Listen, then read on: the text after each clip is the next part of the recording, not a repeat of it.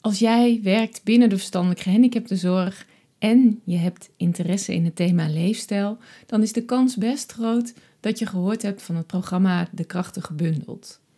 Dit is een programma waarbinnen Annelies Overwijk, mijn gast van vandaag, haar onderzoek heeft gedaan. Maar ook als je niet binnen de verstandelijk gehandicaptenzorg werkt, maar misschien binnen de ouderenzorg of de GGZ, maar wel interesse hebt in leefstijl, dan is dit interview interessant voor jou. Want Annelies weet als geen ander dat iets willen veranderen op het gebied van leefstijl binnen een woonzorgorganisatie niet altijd eenvoudig is. In dit volgende gesprek worden verschillende websites genoemd. Je vindt de linkjes naar deze sites in de show notes, dus de notities bij deze aflevering. Of kijk even op marielletromp.nl slash Annelies. Daar vind je ook alle informatie.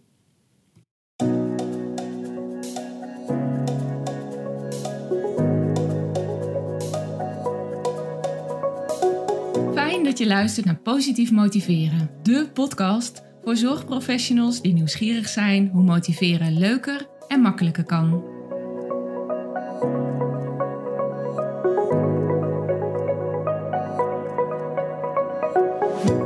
Mijn naam is Marielle Tromp en in deze podcast wil ik jou inspireren met verhalen, inzichten en tips die jij kunt gebruiken om meer resultaat, plezier en voldoening uit je werk te halen. Annelies, van harte welkom in de podcastaflevering van vandaag. Dankjewel, Marielle. Heel fijn dat je er bent. We gaan zo meteen uh, ook nog iets meer horen over wie jij bent en wat je precies doet. Uh, maar ik vind het leuk om te delen dat wij elkaar inmiddels een aantal jaar kennen. Uh, vanuit het netwerk van leefstijlonderzoekers. En we hebben ook, misschien voor de mensen die al wat langer de blogs volgen, we hebben eerder ook eens een video gemaakt uh, over uh, jouw werk en over jouw project. En uh, ik vertelde net al stiekem even aan jou dat ik voor deze podcast dacht van ah, ik hoef het niet eens heel erg voor te bereiden, want Annelies is altijd zelf al heel praktisch en gestructureerd. Dus ik ben heel blij dat je er bent, Annelies. En ik wil aan jou vragen, um, wie ben je? Wil je eens voorstellen en wat houdt je bezig? Dankjewel Marielle voor deze introductie. Uh, nou, ik ben dus Annelies Overwijk. Ik ben uh, zelf van oorsprong gedragswetenschapper. Uh, ik ben werkzaam eh, geweest in de praktijk, onderwijs en heb me de afgelopen jaren met name ook gericht op onderwijs en onderzoek. Ik ben docent bij sociaal werk bij de Hans Hogeschool in Groningen. En daarnaast nu ook implementatiefunctionaris onderwijs bij de academische werkplaats EMB in Groningen. Um, en ik heb me de afgelopen jaren bezig gehouden met uh, leefstijlonderzoek bij mensen met een matige tot zeer ernstige verstandelijke beperking, waarbij we ons vooral hebben gericht op begeleiders en hoe zij uh, de ondersteuning kunnen bieden als het gaat om voeding en beweging bij mensen met een verstandelijke beperking. Mooi, en het is niet helemaal toevallig dat wij uh, nu deze podcast opnemen. Nee, dat klopt. Kan je daar iets meer over vertellen? Ja, vorige week uh, woensdag, inmiddels uh, iets meer dan een week geleden, heb ik mijn uh, promotieonderzoek verdedigd. en nou ja, naar aanleiding daarvan nemen we nu ook deze podcast op om iets meer daarover te vertellen, ook wat het onderzoek inhoudt. Ja, en we gaan ook in de link bij deze opname, bij deze aflevering, um, nemen we wat linkjes op, ook onder andere naar jouw proefschrift. En uh, wat ik daar ook al heel fijn aan vond, is dat jij, um, ik moet even bedenken hoe je het ook weer noemde, maar achterin een uh, leesbare samenvatting of een makkelijk leesbare ja, samenvatting makkelijk lezen samenvatting inderdaad gemaakt voor mensen en ook door mensen met een verstandelijke beperking. Uh, en ik noemde net al even, er is ook een brochure uitgebracht. En die brochure is eigenlijk heel makkelijk toegankelijk nou ja, voor alle professionals die werken met mensen met een verstandelijke beperking. En ook uh, gratis op te vragen bij de academische werkplaats. Dus die linkjes die, uh, die komen inderdaad ook onder aan de blog. En ik vind het zo mooi dat doordat je het zo toegankelijk maakt, gaat het ook veel meer ja, veel meer mensen bereiken en kunnen veel meer mensen daarmee aan de slag gaan. Ja, daarvoor hebben we het inderdaad ook gemaakt om het makkelijk toegankelijk te maken voor iedereen, zowel mensen met verstandelijke beperking als de professionals. Ja, mooi. Um, ja, je hebt je aantal jaren bezig gehouden met uh, de krachten gebundeld en met onderzoek. Um, kan je daar iets over vertellen? Ja, zeker. Het is denk ik inderdaad goed om eventjes een beetje het kader te schetsen voordat we helemaal de inhoud uh, induiken. Um, mijn promotieonderzoek was inderdaad onderdeel van de Krachten gebundeld. En dat project bestond eigenlijk uit twee delen. Eén ehm, deel uh, heeft mijn uh, collega Christophe Slot van Androoy een omgevingsscan ontwikkeld, uh, die ingevuld kan worden door nou, zowel professionals als mensen met verstandelijke beperking die werken op een woon- of, of dagbestedingslocatie, om te kijken van goh, wat is er eigenlijk in de omgeving en nou, wat zijn eigenlijk nog dromen en wensen die we hebben. Um, en dat product is ook te vinden op onze website uh, dekrachtigebundel.nl.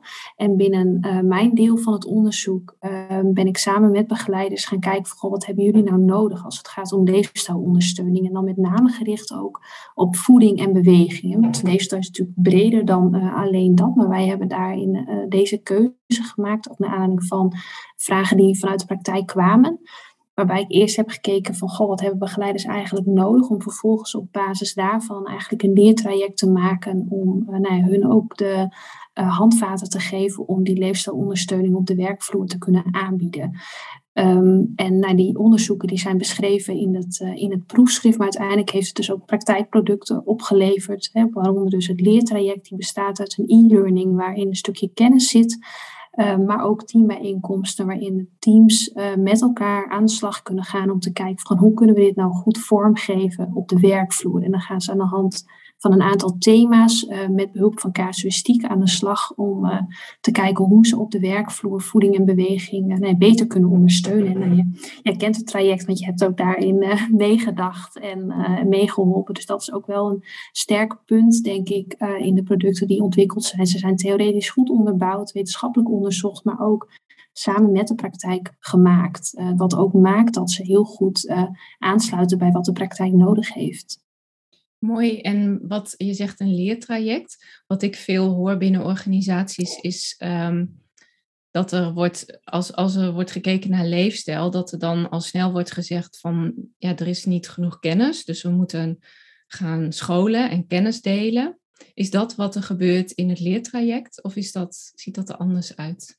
Nou, in de e-learning zit inderdaad echt een stukje kennis van goh, wat is nou beweging voor mensen met verstandelijke beperkingen? Hoe kunnen we dat stimuleren? En ook een stukje voeding. Wat is nou gezond eten eigenlijk? Ehm, dus dat zit heel erg daarin. Maar opvallend is, en dat kwam ook wel in mijn onderzoek naar voren, is dat begeleiders zelf aangeven dat ze de teambijeenkomsten, waarin begeleiders dus samen met elkaar gaan kijken van hoe kunnen we dit nou vormgeven op de werkvloer, als waardevoller hebben ervaren dan uh, de e-learning, waarin dus het stukje kennisoverdracht ook zit. Um, en in de teambijeenkomsten gingen de begeleiders met elkaar aan de slag, waarbij ze um, nou in eerste instantie ook keken naar hun eigen uh, professionele rol. Van goh, wat vind ik nou eigenlijk van gezonde leefstijl? En hoe neem ik dat eigenlijk mee, um, ook op de werkvloer? Um, en wat voor invloed heeft dat? En hoe kijkt mijn collega er tegenaan? En hij, er zijn sommigen die vinden het heel belangrijk, andere begeleiders vinden het misschien nog minder belangrijk. En hoe ga je met die verschillen ook om uh, op de werkvloer en in de begeleiding uh, richting de cliënten? Um, dus nou, dat is bijvoorbeeld een van de onderwerpen. Maar een van de onderwerpen is ook hoe ga je nou, met de sociale omgeving ook om? Hè? Hoe ga je om met, uh, met familie, met ouders, met verwanten die bijvoorbeeld op de groep komen en bijvoorbeeld elke week wat lekkers meenemen. En als er meerdere ouders per week komen, nou, dan kun je je voorstellen dat er heel snel heel veel lekkere dingen op de groep zijn. Dat is natuurlijk niet erg voor een keer, maar nou ja, keer uh, tien bij wijze van spreken in een week, dan wordt dat best wel heel erg veel. Nou ja, hoe pak je dat soort dingen aan? Hoe ga je daarmee om? Um, en door daar met elkaar in gesprek over te gaan uh, nou ja, en concrete afspraken ook te maken en vervolgstappen uit te zetten, uh, en kunnen begeleiders dus daarin samen stappen zetten om die omgeving voor mensen met verstandelijke beperking beter te ondersteunen, gezonder te maken en dus betere ondersteuning te bieden. En nou, dat stukje waarin begeleiders met elkaar aan de slag gingen, dat vonden zij heel waardevol Um, en eigenlijk dus nou, waardevoller dan het stukje kennisoverdracht wat echt in die e-learning zat. Want belangrijk is daar natuurlijk ook, hoe pas je dat vervolgens toe op de werkvloer? Wat kun je daar dan mee? Ja, ja. en ik denk misschien ook uh, dat dat kennisstuk iets is wat ze misschien ook ergens anders deels kunnen vinden of halen of misschien al weten of niet weten. En dat gespreksdeel, dat dat echt soms heel verrassend is. ik zat een paar jaar geleden ook bij jou in een workshop-analyse. En toen had je ook een heel praktisch voorbeeld. En dat was alleen maar de vraag: ja, wat zijn je overtuigingen als het gaat om eten? Bijvoorbeeld, wie is er of wie is er gewend om eerst hartig dan zoet te eten van huis uit, hè, van opvoeding uit? En een deel van de mensen vond dat heel logisch en vanzelfsprekend.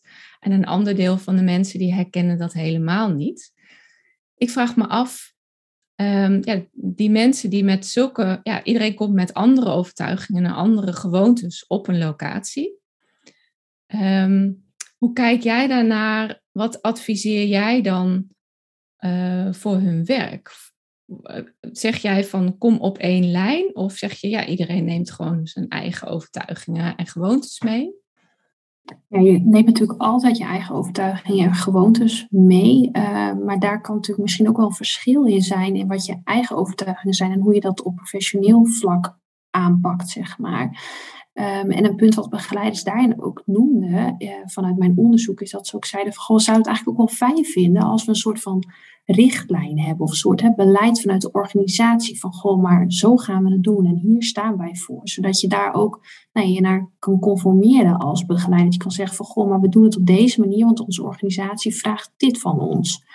Um, dus ik denk dat daarin wel fijn is om nou ja, met elkaar als team te kijken als daar geen beleid vanuit de organisatie bijvoorbeeld is van hoe kunnen we dit aanpakken. En dat, we, dat je wel inderdaad probeert zoveel mogelijk op één lijn te komen. Dat zorgt ook voor duidelijkheid voor, uh, voor de mensen met verstandelijke beperking zelf. Dat je weet waar je aan toe bent. Hè. Bijvoorbeeld met nou ja, met borden bijvoorbeeld opscheppen. Hè. Sommige uh, mensen die willen graag vaker opscheppen, bij wijze van spreken. Nou, dan kun je ook kijken van, goh, we doen een kleiner bordje en dan kan iemand wel twee keer opscheppen in plaats van bijvoorbeeld direct een heel groot bord in het bord en dat iemand niet nog een keer mag opscheppen. Dat je daarin nou ja, ook afspraken maakt en ook wel in één lijn trekt. Want als bij de een weer anders is dan bij de ander, andere begeleider, dan is dat voor de cliënt ook heel lastig om te bepalen wat ze wanneer mogen en wat nou precies de bedoeling is. En juist voor mensen met verstandelijke beperking is dat ook iets wat heel belangrijk is, die voorspelbaarheid.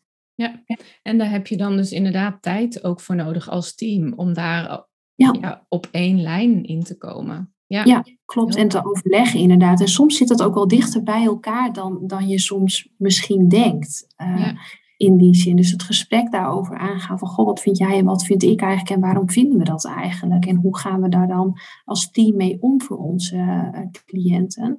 Dat kan al heel verhelderend zijn. Ja, en het maakt ook gelijk duidelijk hoeveel, ja, op hoeveel lagen of hoeveel plekken eigenlijk er iets moet gebeuren om het voor cliënten zo makkelijk mogelijk te maken. Want je noemt inderdaad al beleid of een visie van een organisatie, maar ook met het team op één lijn te komen, maar ook kleinere borden kunnen kopen of zo. Hè?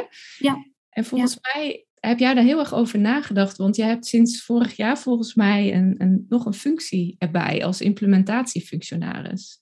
Ja, dat klopt inderdaad.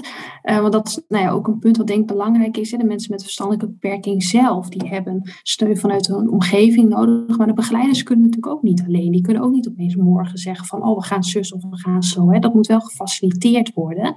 Nou, daar zit natuurlijk ook weer een stukje uh, theorie achter, hè, waarbij je zorgt dat er een gezonde omgeving is. Maar ook dat je een stukje motivatie van de begeleider zelf om dat te doen. En ook natuurlijk weten hoe en, en hoe je dat moet aanpakken. Een stukje kennis en vaardigheden. women Um, en sinds vorig jaar inderdaad uh, nou ja, ben ik implementatiefunctionaris bij de academische werkplaats.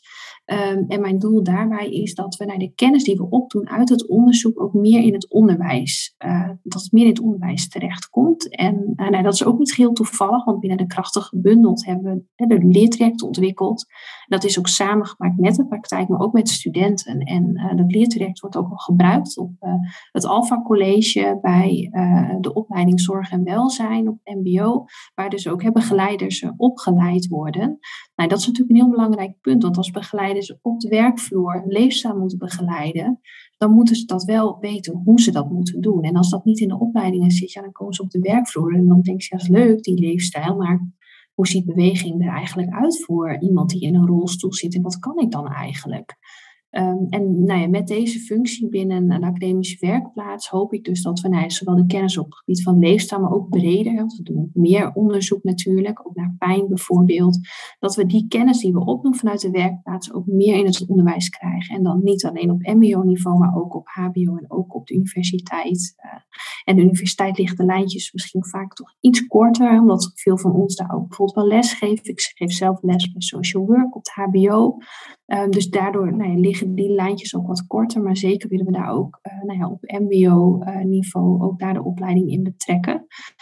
Um, en daarin is, nou, is ook al een hele mooie minor ontwikkeld. Ik weet niet of je hem kent, uh, Marielle, maar ongetwijfeld van die net van Timmeren. Die heeft een hele mooie interprofessionele minor op MBO, HBO en WO niveau ontwikkeld. Waarbij verschillende opleidingen uh, op verschillende niveaus ook met elkaar samenwerken. En dat is natuurlijk goed in de praktijk ook gaat. Hè. Begeleiders werken samen met diëtisten, met fysiotherapeuten, met uh, gedragswetenschappers. Dus binnen die minor komen eigenlijk ook al die disciplines bij elkaar om aan een casus te werken en aan het eind ook nou hun uh, bevindingen en hun resultaten te presenteren. Dus nou dat is gewoon een prachtig voorbeeld van hoe je eigenlijk in de opleiding al nou bezig bent met samenwerken, zodat ze ook nou de aankomende professionals straks ook op de werkvloer nou beter hun weg daarin kunnen vinden.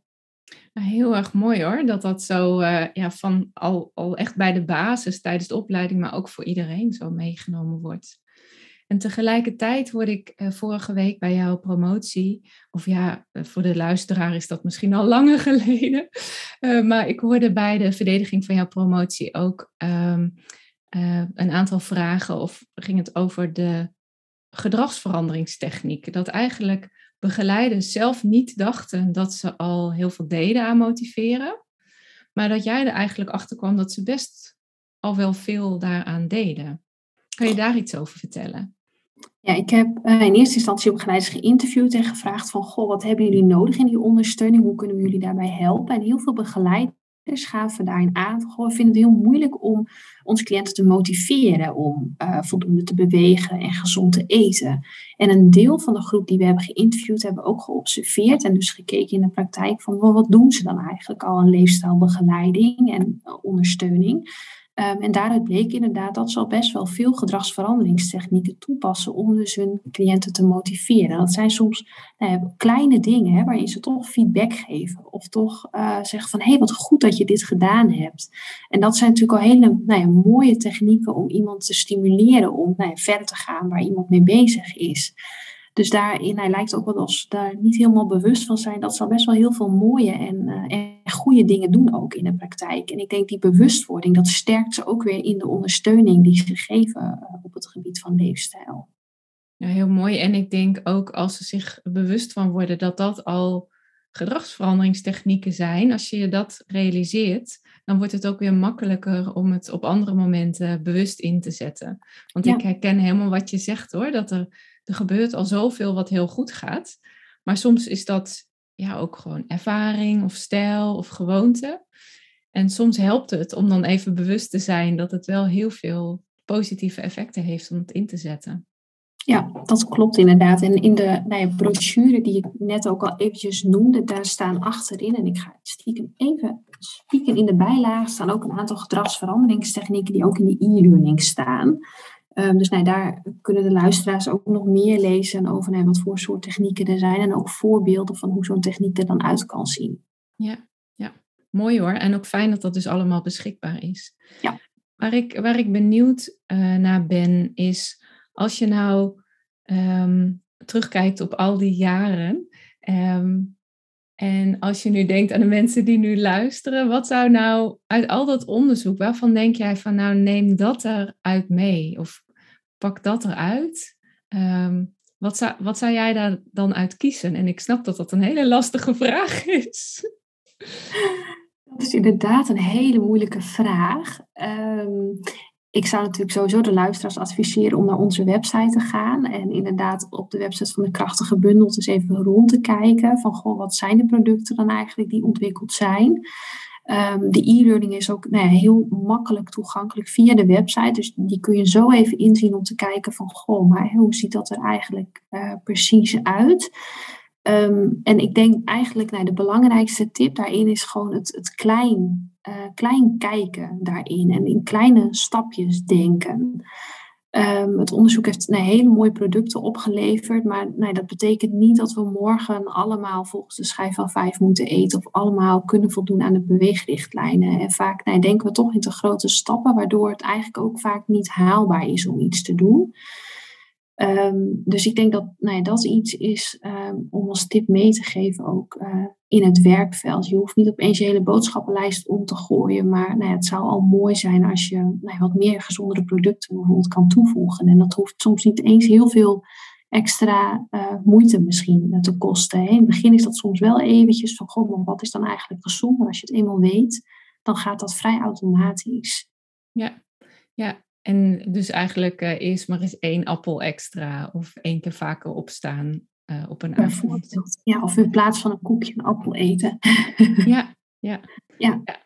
Ja, nee, duidelijk. En wat ik denk dat met zulke kleine veranderingen, die zijn ook inderdaad makkelijker vol te houden dan de grote veranderingen. En eigenlijk is het wel mooi de parallel die je, die je ook dan weer maakt. En je gaat ook niet van cliënten opeens vragen om iets heel groots te veranderen. En zo moet je dat ook als begeleider bijvoorbeeld niet van jezelf meteen vragen, maar gewoon als begeleider en als team kleine, is kleine dingen veranderen. Ja, dat, nou, dat start ook met een stukje bewustwording. Hè? Door te kijken hoe gaat het eigenlijk bij ons op de groep als je het hebt over leefstijl bijvoorbeeld. Hè? En we inderdaad, doen we elke dag iets met beweging of doen we elke dag iets met voeding? En een stukje bewustwording van hoe staat het er eigenlijk voor om vervolgens te kijken wat, wat willen we daar dan eigenlijk mee en hoe gaan we dat concreet vormgeven. Mooi. Dankjewel Annelies. We Graag zijn. Uh, we zijn alweer aan het eind van deze aflevering. Um, maar ik denk dat het heel mooi is dat uh, zoveel van, van jullie, ja, van jouw resultaten van het onderzoek allemaal gewoon beschikbaar zijn. Dus daar kunnen we mensen allemaal naar verwijzen. Uh, en je noemde zelf al de website uh, Krachtig Gebundeld. Ja, daar staan in, de producten op. Er staat ook meer informatie over het project. Um, misschien ook nog mooi om te noemen dat er een procesevaluatie ook op staat over de implementatie van de producten. Dus mocht je daarmee aan de slag willen, dan is het goed ook om daar eerst naar te kijken. Nou, zodat je ook een beetje weet van wat de uh, valkuilen zijn en ook wat de successen zijn tijdens de implementatie van dit soort producten. Um, en op de website van Academische Werkplaats nee, is de brochure inderdaad gratis op te vragen. En jullie mogen natuurlijk ook zeker mijn uh, proefschrift gewoon opvragen. Uh, en nou ja, mijn mailadres die komt ongetwijfeld ook uh, hieronder te staan. Ja, ja. nou dankjewel Annelies. Heel Graag gedaan, mooi, jij ook. Ja, een heel mooi resultaat denk ik van jouw onderzoek. Um, is, is het uh, zo geworden. En heel fijn dat je wat over je proefschrift en uh, je onderzoek wilde vertellen in de podcast. Heel graag gedaan, dankjewel. Tot slot nog even dit. Ik vind het bijzonder dat je luisterde en dat ik even met je mee mocht vandaag. Dank je wel.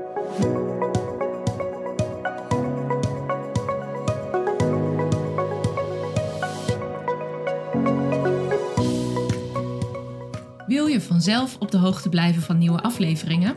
Abonneer je dan op Positief Motiveren in jouw favoriete podcast-app. Op www.positiefmotiverenpodcast.nl leg ik je uit hoe dat werkt en vind je bovendien alle afleveringen inclusief de links naar extra informatie. Ook lees je hier hoe je met mij in contact kunt komen. Want ik vind het echt leuk om van je te horen. Ben je enthousiast over deze podcast? Dan zou ik het enorm waarderen als je helpt om deze breder bekend te maken. Dat kan door deze podcast met collega's te delen of deze te delen op jouw sociale media kanalen. Graag tot de volgende keer.